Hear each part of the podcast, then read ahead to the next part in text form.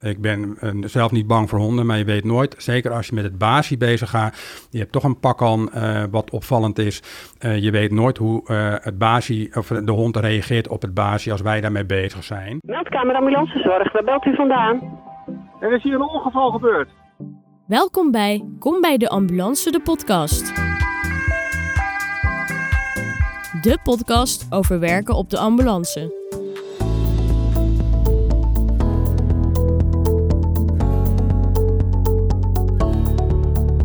Welkom bij weer een nieuwe aflevering van onze podcast Kom bij de Ambulance. Vandaag eh, heb ik op bezoek in onze studio, dit keer in Noord-Holland, in Alkmaar, heb ik op bezoek eh, Wim. Wim, collega eh, Wim is ambulanceverpleegkundige en daarnaast ook flight nurse op de SAR-helikopter. En daar gaan we hem vandaag over spreken. Wim, van harte welkom. Dankjewel. Wim, jij kent het concept, hè? Over een half uur gaat er hier in de studio een eh ambulance-sirene af. En dan ronden we de podcast weer af.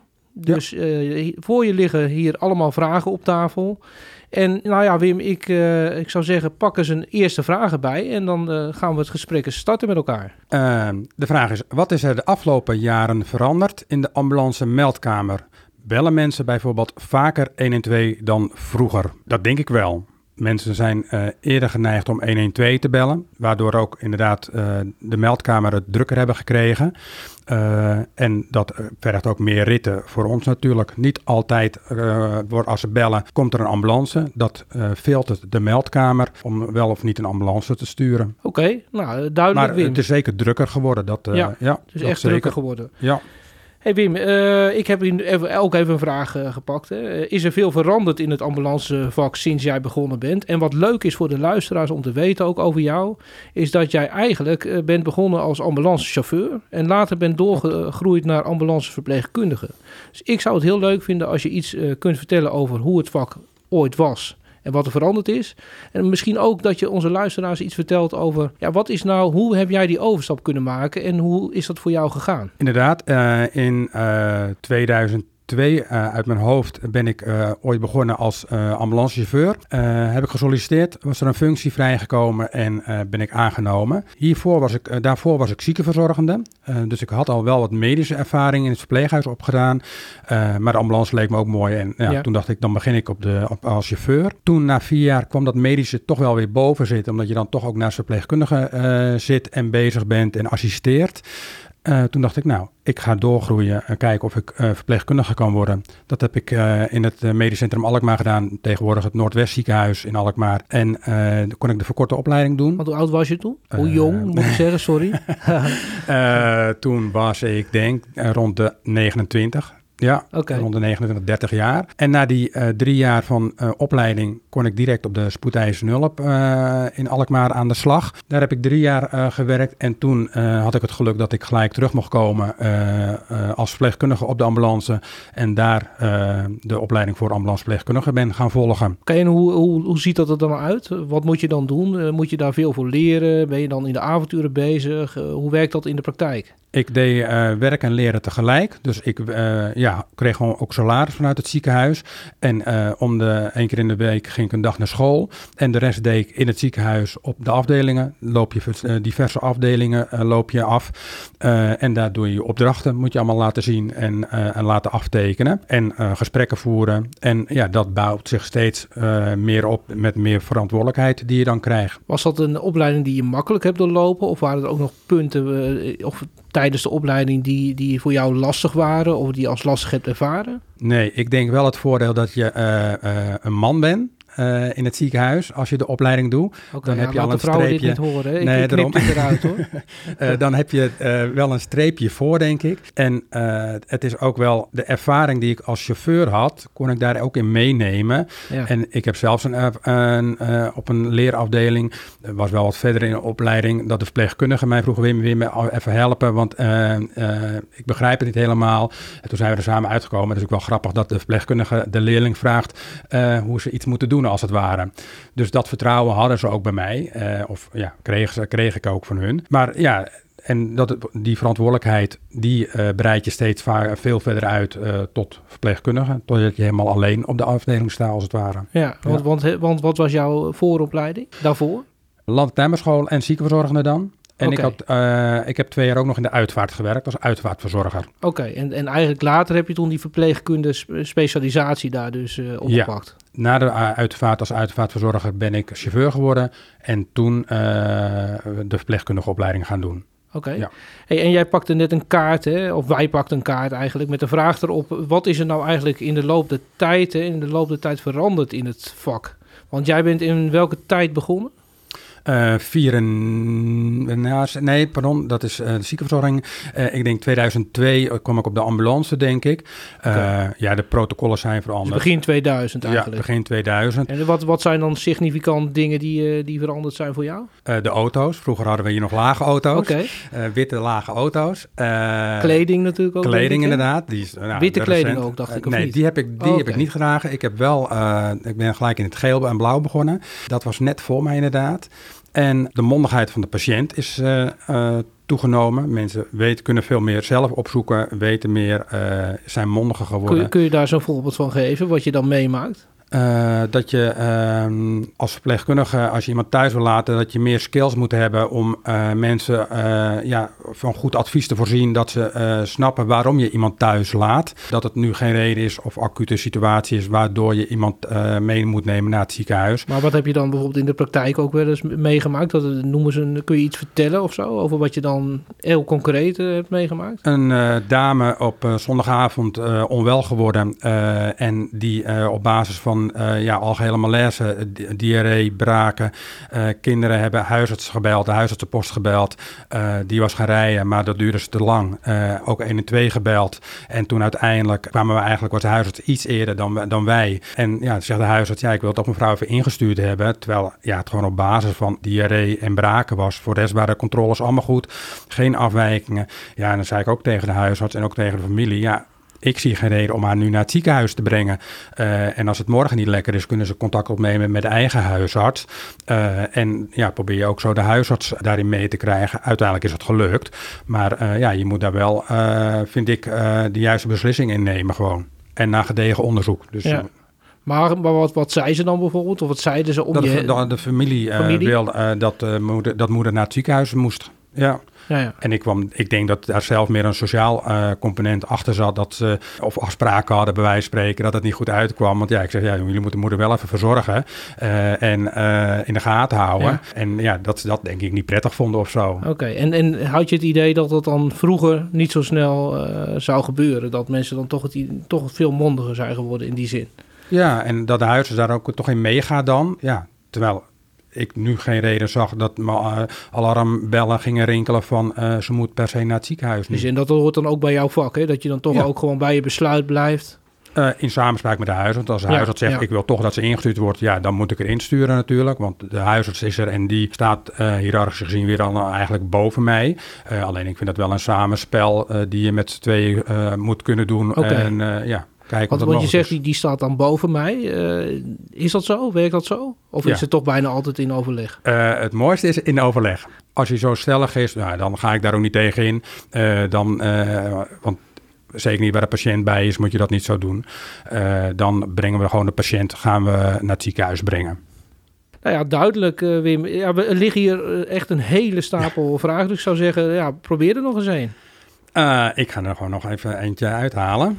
Heb je nog gouden tips voor studenten of verpleegkundigen die nu luisteren en graag op de ambulance willen werken? Het is een prachtig vak. Je komt bij mensen thuis. Ik vind dat moet je ook altijd rekening houden dat het anders is als mensen bij jou in het ziekenhuis komen of in de instelling komen. Wij komen bij de mensen thuis vaak of op straat, maar zeker ook thuis. Hou daar rekening mee met hun gewoontes en zo, dat je Ja. ja. ja, te gast bent. En die verantwoordelijkheid, die moet je leuk vinden om ja, je staat er wel met z'n tweeën met je chauffeur, maar uiteindelijk ben jij medisch verantwoordelijk eh, voor, de, voor de zorg. En zeker bij mensen die je thuis laat, van, eh, die, eh, dat moet je leuk vinden en aankunnen om die verantwoordelijkheid te willen nemen. Wat zijn nog de gekste dingen die je meegemaakt hebt? Hè? Je, hebt natuurlijk hele chique villa's, maar je hebt ook echte volkswijken bijvoorbeeld. eh, misschien Ja. gevaarlijke huisdieren. Maar kun jij eens iets vertellen over wat je echt in de praktijk hebt meegemaakt? Eh, slangen. Eh, je- Slangen? ja, gelukkig wel in een kooi, maar oké. Inderdaad, honden. Heel vaak los Hoe ga je daarmee om? Uh, ik vraag altijd toch om die even weg te doen. Ik ben zelf niet bang voor honden, maar je weet nooit. Zeker als je met het basie bezig gaat. Je hebt toch een pak aan wat opvallend is. je weet nooit hoe het basie of de hond reageert op het basie als wij daarmee bezig zijn. Vaak voelen ze natuurlijk wel aan dat er wat aan de hand is. Ja. Dus uit veiligheidsoverwegingen vraag ik altijd wel even om de hond weg te halen. Wat, wat zijn de gekste plekken dan waar je wel bijvoorbeeld geweest bent? Of wat, wat je je nog herinnert? Een peeskamertje. Oké. Okay. ja, en wat nog meer. We zitten hier in Alkmaar natuurlijk. Ja, ja, ja. Oh, sorry. Voor mij heb je die op meerdere plekken, niet alleen in Alkmaar. Nee, helder. er zijn er wel een paar gesloten laat, maar... Um, uh, wat nog meer voor gekke plekken? Ja, je, je komt gekke attributen tegen. Uh, aparte combinaties van mensen. Denk je, oké, okay, uh, dat daar bepaalde parties bezig zijn. En dat je denkt, oké, okay, op woensdagmiddag. Ja, ja, ja. ja. hey, maar die, die, die peeskamer bijvoorbeeld, hè? wat was dat dan voor een geval? dat was met pijn op de borst. Oké, okay, en, ja. en hoe, hoe, hoe liep dat? Ja, je doet je ding. Tuurlijk, achteraf lach je en uh, vind je het een leuke locatie om even daar ook te, te zijn. Maar dat was een, was een klant? Of? Ja, ja. Oké. Okay. Pijn op de borst, ja. Die bellen dan en dan jij er, jij er naartoe, ja. jullie er naartoe. Ja. Welkom. Okay. Ja, welkom. Laat de gordijnen maar open. Oké. Okay. En hoe is het afgelopen? Ja, goed. We hebben hem meegenomen. En, uh, ja, dus... Uh, maar ja, ook uh, reanimatie met een man, terwijl ze niet wisten wie dat was, bij mensen thuis. En die hadden ook een feestje met z'n drieën. En dan kom je daar binnen en ja, ze weten eigenlijk niet wie het is. En die hebben ze via internet ontmoet. Ja, ja. En ja, aan de drugs gezeten. En dan, oké, okay. ja. Maar merk, merk, merk, jij dan dat, dat als je dan toch binnenkomt, dat je toch een bepaalde, ja, een bepaalde uitstraling, een bepaald overwicht hebt, ook door je uniform? Speelt dat mee? Ja, mensen kijken. Uh, uh, wel respect voor, denk ik, of niet? Ja, jawel. Ik vind het een samenwerking. Het is ook hoe jij zelf binnenkomt. Ik vind je moet ook altijd netjes uh, jezelf voorstellen in wat voor situatie je ook komt. En mensen hebben een hulpvraag. En ik zeg altijd zo, uh, daar kunnen ze 1 en 2 voor bellen. En dan bepaalt de meldkamer of daar een ambulance uitkomt, ja of nee. En als dat zo is, dan gaan wij daar kijken. Heel vaak denk ik ook wel eens, ja, wat moet ik daar doen? Dat is niet aan ons bewijs spreken, maar dan kan ik wel kijken of ik de juiste ingang kan vinden om de juiste zorg wel bij die mensen te krijgen. Dan okay. hoef ik ze niet te voeren naar het ziekenhuis, maar ik kan met een GGZ of toch met een huisarts of met een verloskundige overleggen, bewijzen ja. van dat je wel uh, de mensen het idee hebt dat ze geholpen worden en naar ze geluisterd worden. Wat zijn nou dingen die, die, die uh, toekomstige collega's volgens jou in ieder geval moeten kunnen? Uh, natuurlijk sowieso uh, je vooropleiding is belangrijk als verpleegkundige, dat je je specialisatie be behaalt. maar meer qua persoonlijke kenmerken? Uh, goede communicatieve vaardigheden vind ik belangrijk. Netjes voor, verzorgd voorkomen. Ja, en dat je uh, uh, weet mensen op hun gemak te stellen. En ja, gemak en, en rust, gerust te stellen. Heb je bijvoorbeeld ook wel eens gezien dat mensen toch niet zo geschikt zijn? Of dat ze later afhaakten in de opleiding of later in de praktijk omdat het ze ja. toch niet lag? En waar lag dat dan volgens jou aan? Ook een aantal keren gewoon met name de verantwoordelijkheid niet, ja, die toch te zwaar vinden. Dat mensen toch, zeker als mensen thuis lieten, daarover na gingen denken van zal het wel goed gegaan zijn? Zal het niet achteruit zijn gegaan, bij wijze van spreken? Dat is wel een, wat je wel eens hoort. Dus ja, lopen malen van hoe zal het met mijn patiënt gaan die ik thuis gelaten heb. Iedereen naar het ziekenhuis brengen is heel makkelijk. Hè? Dat is veilig en ja. dan worden ze daarna ja. gekeken. En, uh, maar juist die mensen die je thuis laat en die je dan, ja, daar moet je wel een goed gevoel bij hebben. Want dat kan wel, uh, anders als dat gaat aan je aan, uh, ja, gaat malen, dan kun je daar last van krijgen. Ja, dan bedoel je ook echt dat, dat jij toch wel als, als verpleegkundige toch wel heel belangrijke besluiten neemt op dat moment dat je daar aankomt.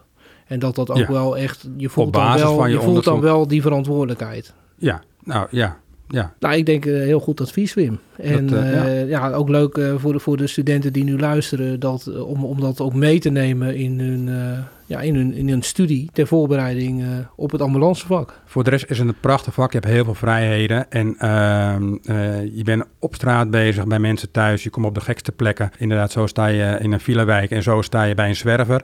En zo doe je een bevalling en zo sta je bij een 95-jarige bij wijze van spreken.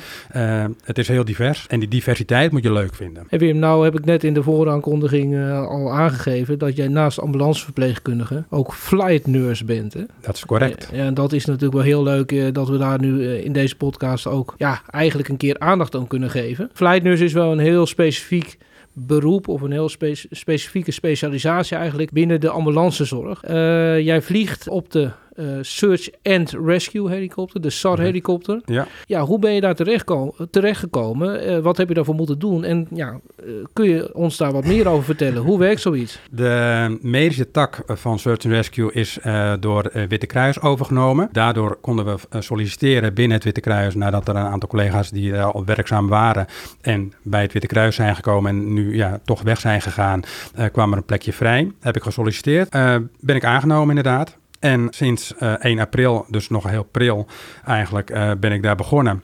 Uh, door een inwerktraject met een flight nurse en ervaring ja, op de helikopter doen. Hoe werkt het? Want het spannende is van de fly als flight nurse is dat je aan een lier naar beneden gaat, op schepen gezet wordt waar hulp nodig is. Dus medische kunde nodig is op water, op alle wateren, op de Noordzee, IJsselmeer, Waddenzee of waar dan ook. En dat is natuurlijk wel spectaculair ja. uh, aan uh, onder een heli uh, te hangen. Het is een extra dimensie. Het heeft ook extra gevaren natuurlijk. het is ook niet zo, ja, het is zeker anders dan op de ambulance zelf een dagje mee. Maar ja, het vliegen is prachtig en ja, de hele entourage, het totaal andere collega's heb je daar zo. En, uh, ja, want het is die grote gele helikopter, hè, die, die wel af en toe in het nieuws komt natuurlijk ook. Ja, met name bij Scheveningen bij wijze van spreken. Vorig jaar met dat surfdrama in Scheveningen uh, hebben ze ook uh, boven Het is wat anders dan de traumahele die in Amsterdam staat. Ja. dat is van ja, het is echt nog, veel, nog wat grotere zelfs, hè? Ja. Ja. en, en die helikopter, met hoeveel mensen zitten jullie daarin en wat zijn de functies dan? Daar zitten we met z'n vijven in. Daar heb je de piloot, de co-piloot, de hoist operator, die de lier bedient om ons uh, omhoog en omlaag ja, zeg maar te... De, het touw, zeg ja, maar. Hè, de lier, de kabel uh, te bedienen kabel, met de haak. Ja. Uh, dan heb je nog de zwemmer. De zwemmer gaat altijd als eerste naar beneden. Die komt als eerste op het schip aan en die begeleidt mij om daar ook op een veilige manier, zo veilige mogelijke manier ook op het schip te komen. En die assisteert mij ook bij de patiënt. Die zorgt dat mijn spullen naar beneden komen. we maken een plan van aanpak voor de patiënt boven weer te krijgen en dat soort dingen. Dus die assisteert mij als het ware. Ja, dus naast eigenlijk het medische aspect, denken jullie dan, uh, komt er toch nog ook het, het, logistieke aspect veel meer bij kijken van hoe krijgen we een patiënt, hoe komen Zeker. we daar? En, ja. en, en ook... Ja, Kijk, op de ambulance stap je uit en je hebt alles bij elkaar. Ja. Maar als ik een, uh, op een vissersboot een val heb, uh, of iemand die heeft zijn hoofd gestoten aan, de, aan zo'n ijzeren balk of wat dan ook, en die moet in een vacuümmatras vervoerd worden, dan moet ik daar in Den Helder al aan denken. Ja. Want die ligt in de staart, dus die kan ik niet, dat ik denk dat hij aankomt bij het schip. ik heb mijn vacuümmatras nodig, want dan moet hij eerst naar een boorplatform of naar een schip waar hij kan landen eventueel, of naar land, om die, dat vacuümmatras eruit te halen uit de staart. En dan kan hij weer terugkomen. Dus het aspect tijd en uh, de weersomstandigheden uh, ja, spelen allemaal mee die, uh, waar je rekening mee moet houden. Ja, Wim, dit klinkt natuurlijk als een jongensboek. Hè? Dat je gewoon op zo'n helikopter mag werken. jullie vertrekken waar vandaan? Den Helder. Oké, okay, vanaf Den Helder. Ja. Je hebt een speciaal pak, heb ik toevallig op je profielfoto gezien. Wat heb je moeten doen toen je eenmaal geselecteerd was uh, voor uh, die functie? Uh, je krijgt dan als je aangenomen bent, ga je de UWET-training doen. Dat is, dan ga je eigenlijk in een soort zwembad in een helikopter zitten en die gaat dan onder water en dan moet je eruit zien te komen. Onder begeleiding doe je dat. Het is okay. niet dat je losgelaten wordt en succes. dat gaat echt wel professioneel. Maar zit je dan in een, in een soort van helikopter? Een soort he ja, zit je als ja, het ware dus met als jullie. Stel dat jullie neerstorten, hè, dat klinkt een beetje, misschien een beetje cru, maar zo werkt het denk ik. Ja, Inderdaad. En uh, hoe je weet hoe je uit de helikopter uh, moet komen, hoe je de ramen eruit moet drukken en uh, wat voor handelingen je moet doen om ten eerste rustig te blijven. En dan weet, weet je wat je moet doen om uit de helikopter te komen. Ja. ja. dus het is vooral ook als jullie echt in gevaar komen in die zin, dan heb je nog wat extra handelingen, zoals je ook met een auto te water kan raken. Dus ja. met een helikopter te water raken. Ja, dan moet je natuurlijk wel op, op voorbereid zijn. Dus ja. moet je met elkaar trainen. Zeker. Zijn, er nog, zijn er nog andere zaken die je ook moet wat je leren? Wat je merkt is dat ze heel erg op de gevaren zitten uh, uh, als uh, helikopterbemanning. De procedures nemen ze altijd steeds door van wat als het niet goed gaat, wat gaan we dan doen, wat zijn de stappen dan. ze denken heel erg vanuit het gevarenaspect dan dat ik op de, op de ambulance in zou stappen. Denk ik veel minder naar oh, wat te doen als ik een ongeluk zou krijgen, bij wijze van spreken. En dat is daar op de helikopter veel meer... En hoe komt dat? Dat durf ik niet te zeggen. Maar dat is wel onderdeel van ja, hoe zij daar op de helikopter werken. Want ja, er zijn natuurlijk zeker bepaalde gevaren. En zeker als, je, als ze hoeveren dat ze boven het schip hangen, dan dat zijn gevaarlijkere momenten. Als het druk dan wegvalt of zo, dan hebben we geen kracht meer of wat dan ook. Ja, dat zijn gevaarlijkere momenten, meer risicovolle momenten voor een helikopter. Ja, want jij werkt daar dan, jullie vertrekken vanaf Den Helder. Maar hoe ziet, hoe ziet dat er dan in de praktijk uit? Ben jij dan, jij wordt ingeroosterd en hoe ziet jouw dag er dan bijvoorbeeld uit? Ja, ik heb, uh, een, we daar per week een 24 uur dienst. Dan begin ik 11 uur s avonds. Nou, dat is eigenlijk hetzelfde als op de ambu controleer je spullen. Ja. Uh, klopt alles, mijn zuurstof, mijn monitor, heb ik genoeg uh, stroom erop. Je hebt speciale helmen ook en zo, ja, uh, dan ga ik naar ons hok toe om mijn pakken klaar te leggen, mijn droogpakken klaar te leggen, mijn harnas waar ik aan hang als ik naar beneden gehoist word, mijn live vest hang ik klaar, want we moeten, als we een melding krijgen, binnen 20 minuten kunnen starten. Dat okay. we, ja, hoe hard vlieg je met zo'n helikopter? Ongeveer? Nou ja, goed, dat, dat, dat, zoeken we nog even op. We googelen straks even. Want ik zie je een beetje kijken van, weet ik ook niet uh, precies. Nee, ik zit achterin, dus ik zit niet op snelheidsmeters te kijken.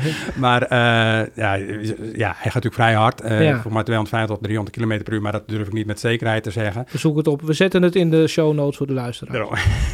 en, maar dan hangen mijn spullen klaar, mijn onderkleding lag ik klaar, want je hebt echt wel, ook mocht ik wel te water raken en dan moet ik warm kunnen blijven. Dus dan heb je diverse kledinglagen aan om, uh, om warm te blijven. Hey Wim, en, en noem dan nog eens wat, wat, wat, wat zaken die jullie mee kunnen maken of die jullie meegemaakt hebben met de SAR. Dus wat kan er nou allemaal fout gaan? Je noemde eh, al het, surfongeluk hè, met, die, met, die, met die hoge golven. Dat kan, de meeste mensen kunnen zich dat natuurlijk wel herinneren. Ja, dat is recent geweest. Uh, zoekacties, op, uh, met name op de Noordzee. Uh, op de, ja, op het strand, op stranden. Okay. Als het mooi weer is en het is heel erg druk, dan heb je veel met kleine kinderen of zoekgeraakte, ja, die dan mogelijk toch in het water zouden kunnen liggen. De zoekacties heb je dan regelmatig. Ja, van pijn op de borst tot aan een CVA, wat ook op schepen gebeurd kan worden. CVA? Een uh, hersenbloeding of een herseninfarct okay, ja. uh, zou kunnen. Uh, ja, of gewoon inderdaad ernstige ongelukken op visserschepen, op containerschepen of wat dan ook, explosies. Ja. En wat is jullie gebied waar jullie vliegen? Wat dekken alle jullie? wateren binnen Nederlandse grensgebieden. Ja. Oké. Dus, het kan ook groot zijn... Deel, een groot, een groot deel uh, Noordzee, uh, Waddenzee, IJsselmeer, uh, grote wateren bij Zeeland en dat soort dingen. Ja. Oké, dus ook helemaal richting Zeeland, eigenlijk ja. het hele gebied vanaf Den Helder, helemaal ja. naar het zuiden van Nederland, ook eventueel. Je hebt daar een aantal ankerplaatsen voor grote schepen die moeten wachten voor Rotterdam, voor de haven van Rotterdam. En, en daardoor wordt ook, daar ja, kunnen, kunnen ook mensen ziek worden en dan vliegen we daar ook heen. Nou ja, super interessant. Ja, ik denk, Zeker. ik zie ook aan jouw gezicht dat je, het, dat je deze baan niet snel kwijt wil. Dat nee. je daar gewoon heel, uh, ja, heel veel plezier uit haalt. En, het is een ja, unieke baan. We zijn met z'n zevenen als uh, flight nurse dus, uh, binnen Nederland. Dus ja, dat is echt een uniek baantje inderdaad. Ja, ja en het is gewoon prachtig om op de heli te vliegen inderdaad. Ja. Misschien moeten we er nog eens een, een boek ook over schrijven. Nou, wie weet. hey Wim, ik heb nog een paar minuten, hè, want ik zie dat het alweer heel hard gaat met de tijd. Ja, laten we toch nog heel even teruggaan, nu we toch nog wat tijd hebben. Want ja, ook jij zit vol natuurlijk met schitterende. Toch nog even teruggaan naar naar een, een vraag. Uh, wil jij nog eens een vraag pakken? Dan gaan we nog even terug ook naar jouw ambulancevak. Kom je wel eens op in onveilige situaties? En wat doe je om je eigen veiligheid te waarborgen? Als het goed is, uh, komen wij niet in onveilige situaties. Want als we dat van tevoren horen, dan sturen wij, of de meldkamer doet het al in, in principe, maar anders wachten wij op de politie. Ja. Tot maar dat is de theorie, veilig. Ja, dat is de theorie. En uh, zelf heb ik een aantal wel onveilige situaties meegemaakt, maar ook door ja, rustig te blijven. Kun je, een, een, kun, je, kun je ons eens meenemen in één zo'n situatie uh, in detail? Uh, wat was het dan toen aan de hand en hoe is dat gegaan? Uh, toen was ik nog chauffeur. Uh, dat is, is, wel een leuke casus als het ware. Toen moesten we naar iemand toe, een jongeman die had, uh, zou pillen ingenomen met hebben, te veel pillen ingenomen met hebben. En wat was en dat? De plaats zou ik niet doen, want anders. maar goed, dat was wel in de buurt, regio Alkmaar. En ik was toen chauffeur en mijn collega en ik gingen naar binnen. En uh, we dachten, nou, hier klopt iets niet. We zagen geen lege strips of wat dan ook. En nou, hij lag daar in bed. En dus nou, we geven hem, vind ik, een flinke pijnprikkel. En uh, hij kwam bij. En dat vond hij niet zo prettig. Dus uh, uiteindelijk werd hij wel wat agressief. Dus wij vlogen de deur uit. Zo van, nou, eerst maar politie even hier. En dan gaan we verder kijken. Maar goed, uiteindelijk waren we daar niet meer nodig. En ook de dokter kwam en die nam het over. Die zei, oké, we gaan, wij nemen het over. Dus wij rijden weg. En toen dachten we, oh, we zijn de zuurstofvast vergeten. Die stond nog bij hem boven. Ja, En wie mocht ook naar boven? Hè? Dus jij weer. natuurlijk. Maar uiteindelijk is het goed. dat We hebben geen klappen gehad of wat dan ook. En inderdaad, blijf zelf rustig. Dat is het belangrijkste. Probeer niet mee in die emotie te gaan. Want wat, doordat je rustig blijft, wat, wat gebeurt er dan? Ja, dan creëer je rust. En in de hoop dat eh, je patiënt of de omgeving, het is natuurlijk ook, de omgeving kan natuurlijk ook eh, eh, wat in paniek zijn. Waardoor je hoopt dat zij ook rustig worden. Neem het serieus. Uiteindelijk nam de huisarts het over. Dus wij zijn daar weer weggegaan. En, Dus die heb je eigenlijk de klap een beetje laten vangen. Inderdaad. En, succes huisarts. en, maar nee, dat was op dat moment, hij zegt dat, dat, dat komt goed en dat ga ik redden. Dus eh politie was ondertussen wel gearriveerd ook hoor, maar die hebben hem ook voor de rest niet, eh, hij was daarna ook wel rustig. Maar, En zijn het dan, gebeurt het ook wel eens dat je die mensen dan later nog bijvoorbeeld eh, privé nog tegenkomt? Of als je in de supermarkt bent of zoiets? Of... Nee, Oké, tenminste, dat weet ik me niet te herinneren. Je hebt- dat heb je nog nooit meegemaakt. Nee, Oké. nee. Nou, het zou kunnen natuurlijk. Ja ik, ja, ik heb toch nog wat tijd op de klok. Dus eh, ja, ik Kijk. vind het wel leuk. Laten we nog eens kijken eh, of je nog wat leuks hebt. Hoe vaak heb je bijscholingen en rijtrainingen en zie je daar tegenop? Rijtrainingen heeft de chauffeur natuurlijk altijd. En eh, als rapid responder die in zijn eentje rij- rondrijdt ook. Wij hebben diverse scholingen per jaar. En daarbij twee keer per jaar heb je handelingen. Daar is die eh, weer. Huppatee. De sirene. Jouw welbekend geluid neem ik aan. Zeker, zeker. Ik zet hem eh, gauw uit. En, maar laten we deze nog even afmaken eh, voor de luisteraars. Ja, en je hebt je voorbouwde handelingen. Die moet je twee keer per jaar doen. En één keer in de vijf jaar je assessment. En, en daarbij je regionale scholingen heb je dan elk jaar. En, en gaat het goed? Beval, kun, je het, kun je dat aan? Vind je het, vind je het te veel? Of, of past Nee. het wel goed Nee, in de combinatie met de praktijk? Ja, ja, die combinatie is goed. Oké. Nou, ik hoor al, jij hebt er weinig moeite met, met studie. eh, Nee, hè, nee. dat gaat gewoon goed. Zeker, ja. Want, want hoe, hoe werkt dat dan? Hè? Misschien toch ook goed om, om te weten voor de, voor, voor de luisteraars. Van, heb je dat, je, hoe doe je dat? Zijn dat praktijkcasussen? Of, of is dat vanuit boeken? Zit je thuis te leren? Of doe je dat Nee. op je werk? Eh, tegenwoordig met deze tijd eh, gaat natuurlijk ook wel veel online, zoals webinars en dat soort dingen. Maar eh, je regionale scholingen gaan we gelukkig weer doen. Assessments moet je vier casuïstieken laten zien. Eh, trauma, non-trauma, cardiaal en eh, kind moet je laten zien. En dan word je beoordeeld op, ja, hoe doe je het? Laat je, geef je de juiste behandeling, communicatie met de chauffeur en dat soort dingen. Dus eh, ja, nee. Dus dat is zeker goed te doen. Nou, heel erg leuk eh, om te horen en heel erg eh, eh, fijn om jou hier in deze studio te hebben, Wim. Dankjewel. Hartstikke bedankt eh, voor jouw verhaal. En eh, ja, aan alle luisteraars zou ik zeggen, bedankt voor het luisteren naar eh, weer een aflevering van onze podcast Kom bij de Ambulance. En graag tot de volgende keer. Bedankt voor het luisteren naar Kom bij de Ambulance, de podcast. Ben je enthousiast? Of wil je meer weten over het ambulancevak? Kijk dan op kombijdeambulance.nl